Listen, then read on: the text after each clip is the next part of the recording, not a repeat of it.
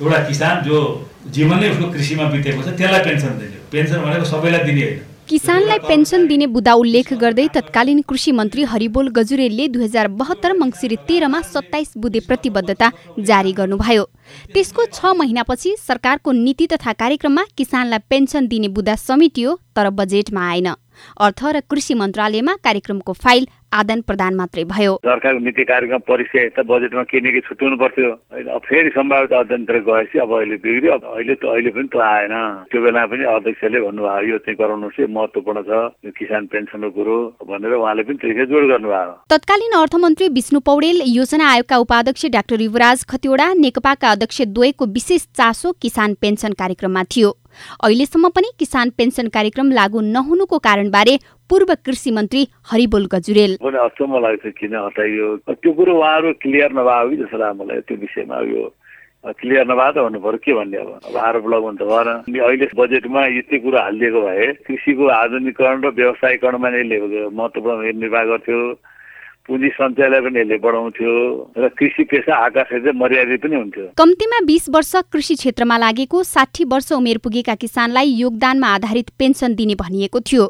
तर आगामी आर्थिक वर्षको बजेटमा यो कार्यक्रम नपर्दा किसान आयोग पनि आश्चर्यमा परेको छ। बजेटमा नआए पनि किसान वर्गीकरणका लागि विनियोजित एक्काइस करोडबाट भने केही आशा गरिएको बताउँदै आयोगका प्रवक्ता रविन्द्र केसी। किसान पेन्सन भन्दा पहिले किसान वर्गीकरणको जरुरी पर्छ। कस्तो खाललाई हामीले किसानको पेन्सनको क्राइटेरिया ल्याउने भन्ने कुरो त्यसमा पर्ने भएको हुनाले त्यसलाई एक्काइस करोड रुपियाँ विनियोजन गरिएको छ त्यो बजेटमा त। अर्थमन्त्रीले बोल्नु भएन। तर त्यो बजेट छुट्याइएको छ। र यस साल त सम्भावना भएन। आगामी वर्षमा यो किसान वर्गीकरण हामीले सम्पन्न गरिसक्यो भने सात प्रदेशको सातवटा जिल्लाको त्यसपछि अनि प्रक्रियागत रूपमा जाने हो सात प्रदेशमा एक एकवटा जिल्ला छनौट गरी कार्यक्रम सुरु गर्ने केही रकम किसानबाट र केही सरकारले थपेर कोष बनाउने परिकल्पना थियो।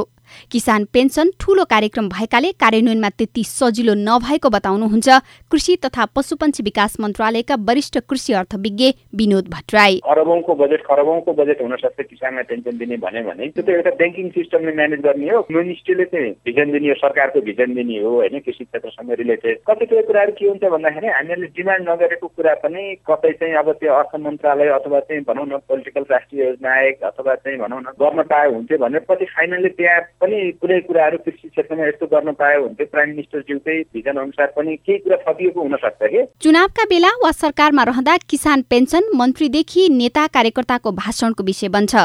तर सरकारले बजेटमा छुटाउनुको कारणबारे दिने प्रष्टीकरणबाट किसान त्यति सन्तुष्ट छैनन्। गीता चिमोरिया सिआइएन काठमाडौँ।